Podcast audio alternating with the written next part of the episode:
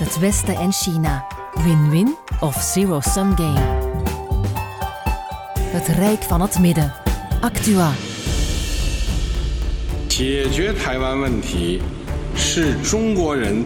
China has opened a historic Communist Party Congress in Beijing. It's the country's most important meeting in years. In Peking begon het 20e partijcongres van de Communistische Partij precies een week geleden. De secretaris-generaal Xi Jinping breekt met geschreven en ongeschreven regels en gaat resoluut voor een ongebruikelijke derde termijn als partijbaas. Geen toeval dat we in onze westerse media dit congres bijna als een soort van soap bekijken. Maar in werkelijkheid is die bijeenkomst een zeer gewichtige politieke gebeurtenis. Of het nu gaat om economie, geopolitiek of klimaatverandering, gezien het gewicht en de rol van China zullen genomen beslissingen op een of andere manier ook van invloed zijn op het Westen. Eigenlijk voor alle mensen op deze aardbol. De autocratische leider Xi Jinping gaf vorige weekend zijn openingsspeech, een politiek rapport waar bepaalde, al vooraf gekende aannames, stevig kracht werden bijgezet. Zondag 23 oktober zullen we echt weten waar we aan toe zijn als nog andere benoemingen officieel bekend worden gemaakt, zoals wie wordt de volgende premier. In afwachting daarvan maak ik samen met Jan van der Putten een voorlopige tussentijdse balans op. Jan heeft er meer dan 35 jaar buitenlandjournalistiek op zitten, woonde zelf een tijd in Peking en is auteur van Fabels over China. Het Rijk van het Midden met communicatie-expert Dimitri Stuur. China. Dag Jan, welkom in de podcast Het Rijk van het Midden. Het zijn spannende tijden om zoveel redenen en zeker ook wel met dit partijcongres in Peking momenteel. Moet het Westen zich schrap zetten voor de plannen van leider Xi Jinping? Uh, als Xi Jinping zijn zin krijgt, dan moet het Westen zich zeker schrap zetten. Want Xi Jinping wil uiteindelijk China zijn rechtmatige plaats geven onder de zon. En die rechtmatige plaats is in Chinese ogen de plaats van de eerste 2000 jaar lang. Is China de belangrijkste mogendheid van de wereld geweest, ook al wist de rest van de wereld dat niet. En nu in gewijzigde moderne omstandigheden wil China die plaats heroveren. Het is een, uh, een eeuw, een anderhalve eeuw ongeveer, is het in mineur gegaan met China. Maar dat is maar in Chinese ogen een hele korte onderbreking van die hele lange tijd dat China de belangrijkste macht van de wereld was. Dus dat is Xi Jinping inderdaad van plan om China weer de hegemoon van de wereld te maken. Ja, maar op zich is dat natuurlijk niet zozeer nieuwe informatie. Dat lees en hoor ik ook van andere journalisten die nu al vertellen, want het partijcongres is nog niet helemaal ten einde, maar die zeggen van eigenlijk veel nieuws horen we niet. Dit is een beetje een herhaling van wat we al wisten. Ja, de grote lijnen zijn, uh, zijn hetzelfde gebleven. Maar uh, voor de verfijnde sinologen, die weten achter iedere lettergreep een nieuwe interpretatie te zoeken. Die zien toch variaties in woordgebruik. En af en toe het weglaten van bepaalde woorden die vijf jaar geleden bij het vorige partijcongres wel door genoemd werden. Maar laten we ons met die finesses maar niet bezighouden. Het gaat inderdaad om het algemene beeld. En dat is dat China weer de grote wereldmacht moet worden. Er komt bij dat China ook wel ziet dat dat lastig gaat. Dat we namelijk tijden beleven zoals die een eeuw lang niet gezien zijn. Nieuwe tijden, waar nieuwe uitdagingen, waar China dus nieuwe antwoorden op moet hebben. Maar de doelstelling van China blijft hetzelfde. Het enige probleem is dat er veel meer problemen zijn dan de vorige keer. En met name binnenlandse problemen. En dat zijn er nogal wat. Als ik nog even terug mag komen, Jan, op het algemene beeld dat Xi Jinping nu naar de wereld ook natuurlijk uitdraagt. Heb je de indruk dat het een stuk niet alleen assertiever, maar ook misschien zelfs een beetje agressiever is? Niet alleen een beetje agressiever, veel agressiever. Deng Xiaoping, de opvolger van Mao Zedong, die bracht als grote verandering dat China zijn economie moest gaan ont ontwikkelen. En uh, daarvoor alle tijd nodig had. Dus zich niet de luxe kon veroorloven om in de wereld een leidende rol te spelen. Uh, dus houd je gedijst. Maar bijt je tijd, zei hij. Nou, Xi Jinping vond dat die tijd gekomen was. Eigenlijk zijn voorganger al in de laatste jaren, maar in Xi onder Xi Jinping is dat nog veel en veel uh, geprononceerder geworden. En daarbij spaart hij zijn woorden niet. Hij gaat zeer agressief te werk en heeft altijd gelijk. China heeft in alle disputen altijd gelijk protesteert als China zijn belangen aangetast voelt en vraagt eigenlijk van zijn tegenstander de totale overgave. Al was het alleen maar, ik heb me vergist, ik ben het met je eens. Mhm. Dus met Xi Jinping is heel moeilijk zaken te doen. Dat klinkt wel als een boute uitspraak. Ik heb het nog niet vaak gehoord, zo sterk als u het zegt, Jan. Ja, betekent dat we niet veel moeten verwachten van meer openheid, meer samenwerking met China? Uh, nee, inderdaad. China is zich aan het sluiten. En heel symbolisch zie je dat bij COVID. Hè, met eigenlijk corona als, als voorwendsel is China ontzettend gesloten geraakt. Kijk maar naar het aantal buitenlanders dat op het ogenblik in China woont. Nou, dat waren er al heel weinig voor zo'n groot land, zo ongeveer 1 miljoen. Daarvan zijn er al een half miljoen vertrokken. En binnen een jaar wordt verwacht dat van die helft opnieuw de helft vertrokken zal zijn. Veel buitenlandse bedrijven vertrekken ook. Niet alleen vanwege de corona en de voortdurende, vermoeiende en tot niets leidende lockdowns. Mhm. die China voortdurend treffen vanwege die zero-covid-politiek. Maar ook omdat uh, de behandeling van buitenlandse bedrijven steeds lastiger wordt. Dat China steeds meer zijn eigen bedrijven bevoorrecht. En het is altijd ook de bedoeling geweest de buitenlandse bedrijven waren nodig om de binnenlandse economie te ontwikkelen. China is wat dat betreft natuurlijk niet het enige land. De meeste landen gebruiken andere landen voor hun eigen doel. Alleen wij hadden gedacht dat China zou worden zoals wij. Fout. China wil worden zoals zelf. En beter en groter dan. Ja, als ik dan even terug mag eh, komen op wat je daarnet al even liet ontvallen. Jan, de economische terugval, het gaat niet zo schitterend goed. Er is een crisis in de vastgoedsector. Er is nog altijd het zero-covid policy, heel strikt.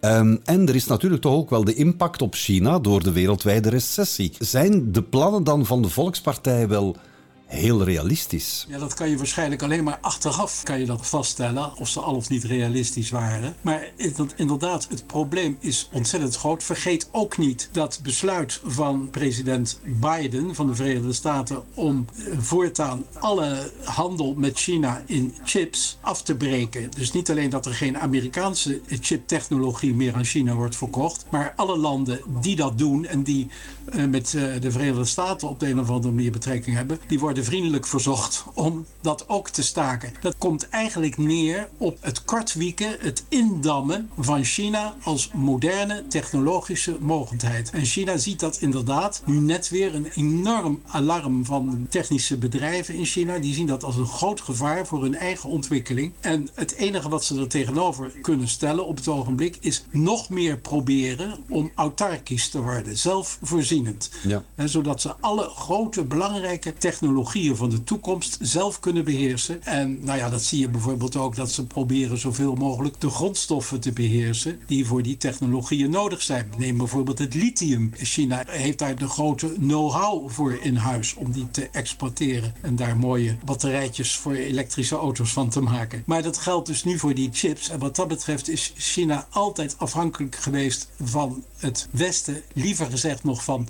Taiwan en van Zuid-Korea. En als dat dus wordt afgesneden, dan komt China echt in de problemen. Maar goed, we hebben al vaker gezegd, het uh, communistische bewind staat op het punt van vallen. En dat bleek Nooit. Wishful thinking. Laten we niet snel zeggen van dit is het einde van de Volksrepubliek China. De spanning tussen de Verenigde Staten en China zal niet afnemen de komende decennia dan? Nee, en dat is ook eigenlijk duidelijk zo gezegd door sleutelfiguren in de Amerikaanse regering zelf. Die zeggen wat er op het ogenblik met Rusland aan de gang is rond Oekraïne is natuurlijk verschrikkelijk belangrijk, oorlog en noem maar op.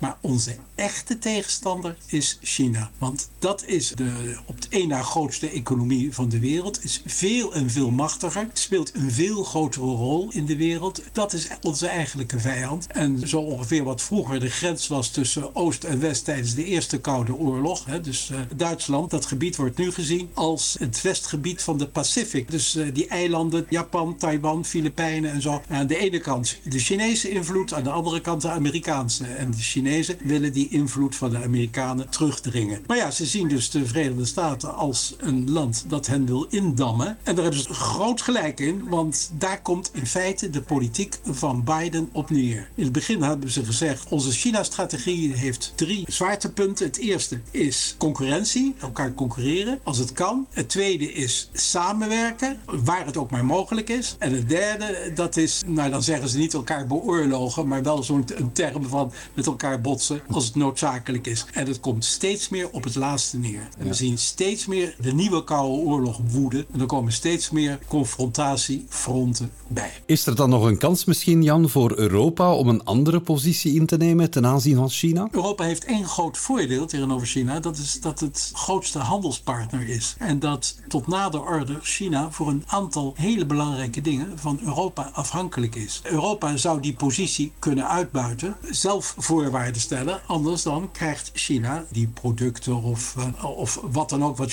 technologie, wat die China nodig heeft. Anders krijgt het die simpelweg niet. Maar daarvoor moet Europa natuurlijk wel verenigd zijn. Want tot nu toe uh, zoveel hoofden, zoveel zinnen. En China heeft altijd geprobeerd Europa uiteen te drijven. Heeft bijvoorbeeld met Oost, Midden- en Oost-Europa aparte banden gesmeed. En met Duitsland hele innige banden, omdat de Duitse auto-industrie en uh, nog een paar andere bedrijfstakken volledig van China afhankelijk zijn geworden. Mm. Nou, en dat werkt dus een eenheidsfront in Europa niet in de hand. En toch zou, laten we maar zeggen, de opmars van China en het toch niet erg prettige systeem van China zou toch een belangrijke reden voor Europa moeten zijn om zich eens aaneen te sluiten en al die kleinere of minder kleinere conflicten, conflictjes gewoon te laten vallen. Er maar, zijn veel groter belangen in het spel. Mm -hmm. Maar Europa heeft natuurlijk in de achtertuin een oorlog.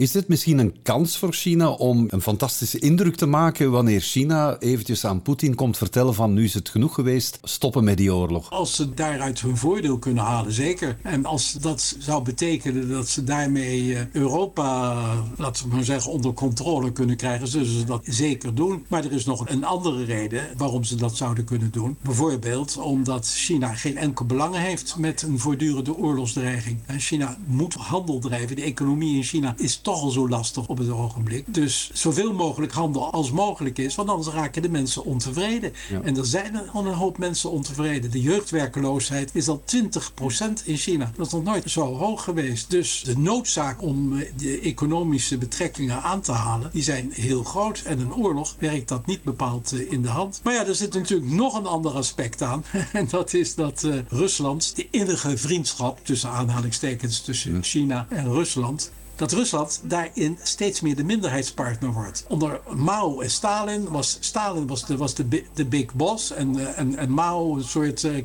klein broertje. Althans, zo zag ja, nu is het omgekeerd. Stalin Mao. Ja. Op het ogenblik is het precies omgekeerd. Ja.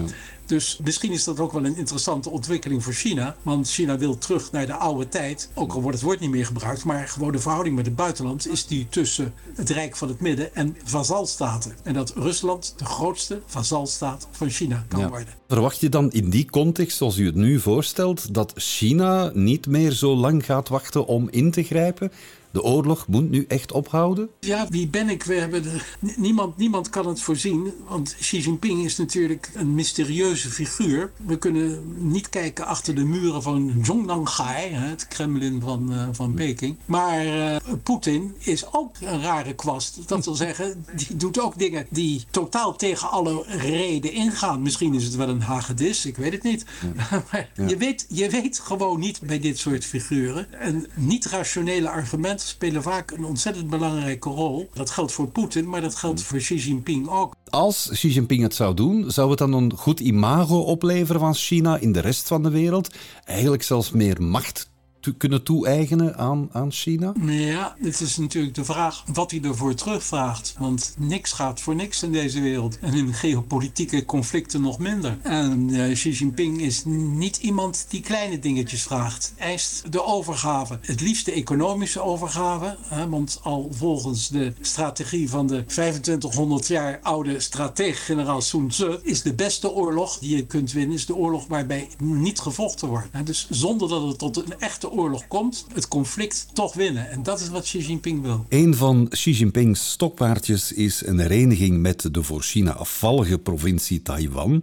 Bij voorkeur een hereniging op een vredevolle manier als het moet met geweld. Het is op zichzelf niks nieuws. Dat heeft hij altijd gezegd. Alleen hij dringt nu veel meer aan. En die pretenties die zijn ook de laatste tijd veel meer kracht bijgezet met al die vluchten van militaire vliegtuigen en van schepen die Taiwan dicht benaderen, aan de andere kant van Taiwan uh, plotseling opduiken en nogal agressief, om het zwak uit te drukken, zich tegenover Taiwan gedragen, om daarmee duidelijk te maken dat er over die aanspraken van China absoluut niet onderhandeld kan worden. Kijk bijvoorbeeld ook hoe China heeft gereageerd op het eh, bezoek, nogal provocerende bezoek van mevrouw Pelosi uit de Verenigde Staten en van de daaropvolgende andere Amerikaanse delegaties. Want dat zou het verbreken zijn van de één-China-politiek mhm. tussen de Verenigde Staten en, uh, en, China. Maar je ziet dus wel een kentering in de Amerikaanse houding. Dat ze veel dichter tegen Taiwan aanschurken. President Biden heeft al vier keer de officiële politiek tegengesproken. Dat er uh, de officiële politiek tegenover Taiwan is dat als Taiwan wordt aangevallen, het nog niet zeker is of de Verenigde Staten Taiwan te hulp zal komen of niet. Mhm. dat, die onzekerheid zou de Chinezen ervan moeten weerhouden om Taiwan aan te vallen, want je kan nooit weten.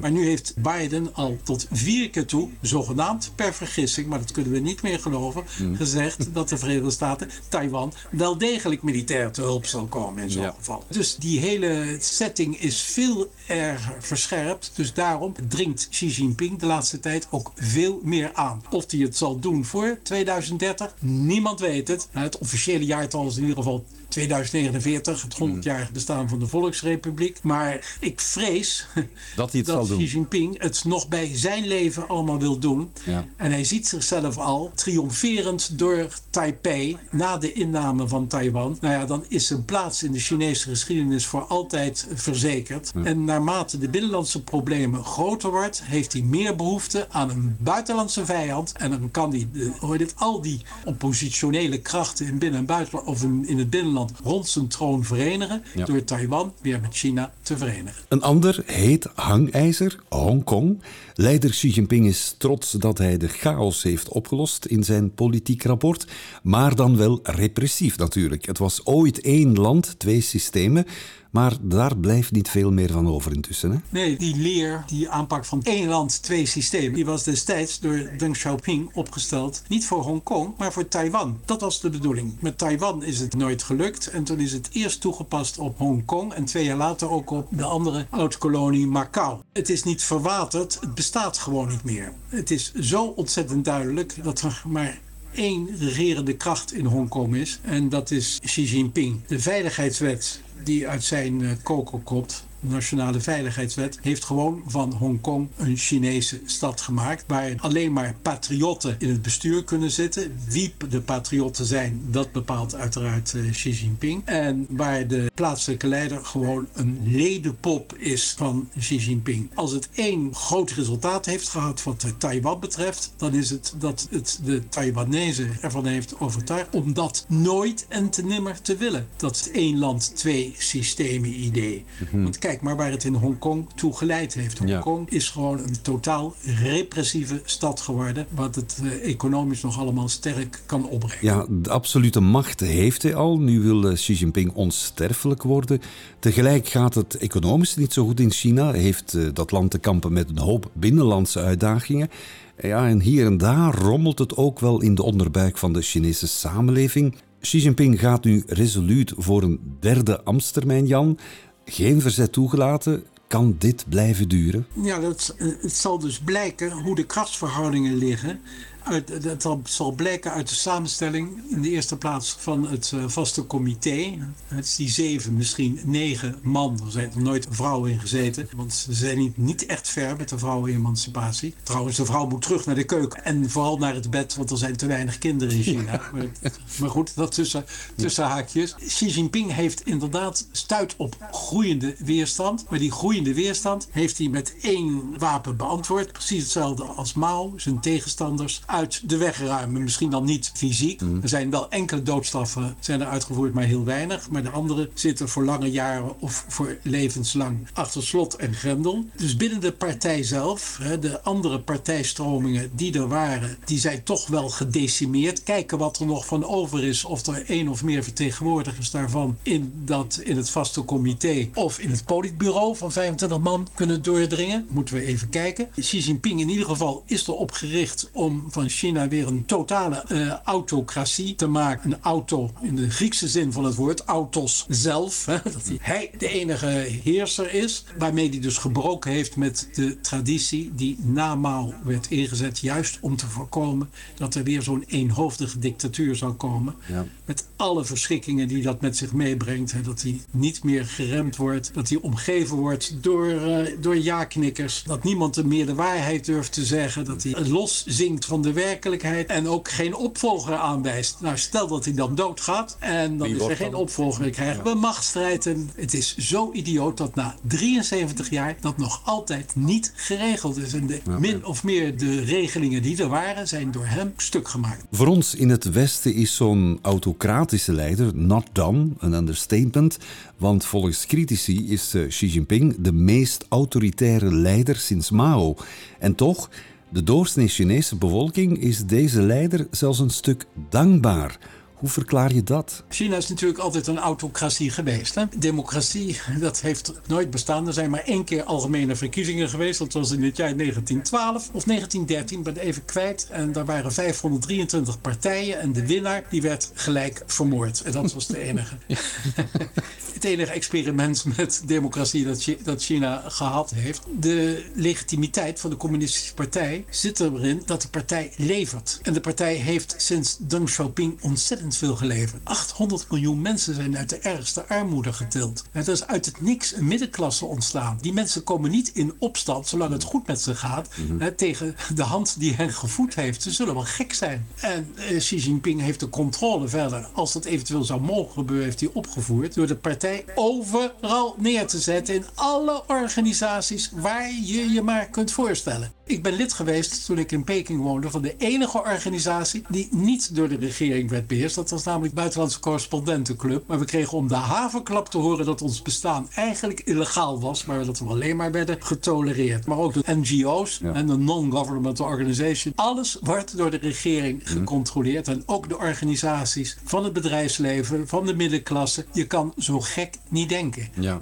dus, en de partij probeert de andere groepen in de maatschappij te opteren. Dat hebben ze al, eh, deden de keizers ook altijd. dus een echte georganiseerd verzet is er niet. Het verzet is tot nu toe gekomen van intellectuelen. En de intellectuelen die zich geroerd hebben, die zijn ontslagen op zijn zachtst. Ja. is, dus wat dat betreft houden de mensen zich gekoest. Maar de bevolking was blij zolang die economie uitbundig groeide. En ze waren ook blij omdat Xi Jinping China weer ontzettend grote nationale trots had gegeven. Nou, dat, hm. dat geeft de Chinese burger moed. Dus als het nu slecht gaat met de economie, dan wil ik nog wel eens kijken. En vergeet ook niet al die mensen die weggezuiverd zijn door Xi Jinping. Iets van anderhalf miljoen of twee miljoen uit de partij gezet, uit functies gezet, met die families eromheen. Ja, die kunnen zijn bloed wel drinken. Ja, dat geloof ik. Als ik u over de hele lijn bezig hoor, Jan, en u hebt de ervaring, de kennis als journalist, u hebt er gewoond. U bent er vandaag niet geruster op geworden, hè, wat de houding van Xi Jinping betreft. En China ten opzichte van de wereld en ja, het hele verhaal. Nee, dat komt misschien ook omdat ik zelf ook een beetje aan wishful thinking heb uh, bezondigd. Namelijk het idee, toen ik er woonde, was er een ontwikkeling in de maatschappij aan de gang die ik het best kan kenschetsen als twee stappen vooruit, één stap achteruit. Langzaam allemaal, geleidelijk aan. En het wordt echt geen binnenhofdemocratie. Ik wil niet meer zeggen Britse democratie, want dat lijkt al helemaal meer, nergens, meer nergens op. Dus laten we een beetje bescheiden wezen om onszelf als voorbeeld te stellen. Maar het ging wel naar grotere tolerantie en een enig respect van de mensenrechten. Enig respect voor de vrije meningsuiting. Niet veel. En ik heb genoeg gevallen meegemaakt waarin het slecht is afgelopen met mensen die hun mond open deden. Maar er was een en ander mogelijk. En de algemene indruk, niet alleen van mij, maar eigenlijk van alle waarnemers was, dat gaat heel langzamerhand, wordt het wat rustiger daar. Deng Xiaoping had zelf gezegd, het einddoel uiteindelijk is democratie, maar we moeten ons eerst ontwikkelen. En eerst moet een groep mensen rijker worden worden. Dan kan dat uh, doordruppelen naar uh, de rest van de samenleving. Ja.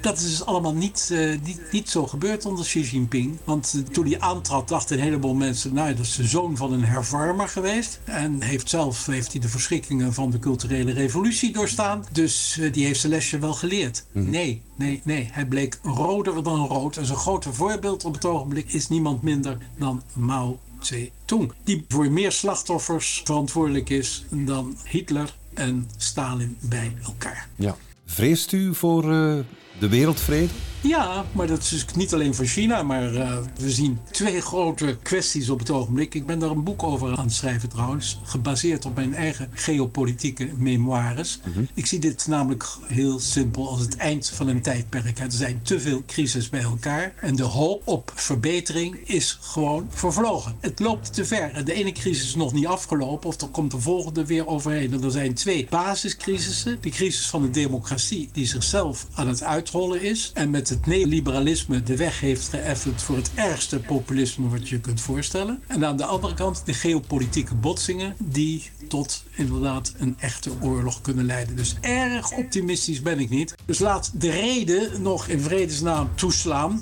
voordat de gekken toeslaan. Maar ik vrees op het ogenblik helaas voor het laatste. Jan, bedankt voor dit gesprek. En als uw boek uit is en er bestaat nog een wereld, dan ga ik u terug contacteren voor een interview. Dan moet ik heel vlug schrijven. Oké, okay. dankjewel Jan.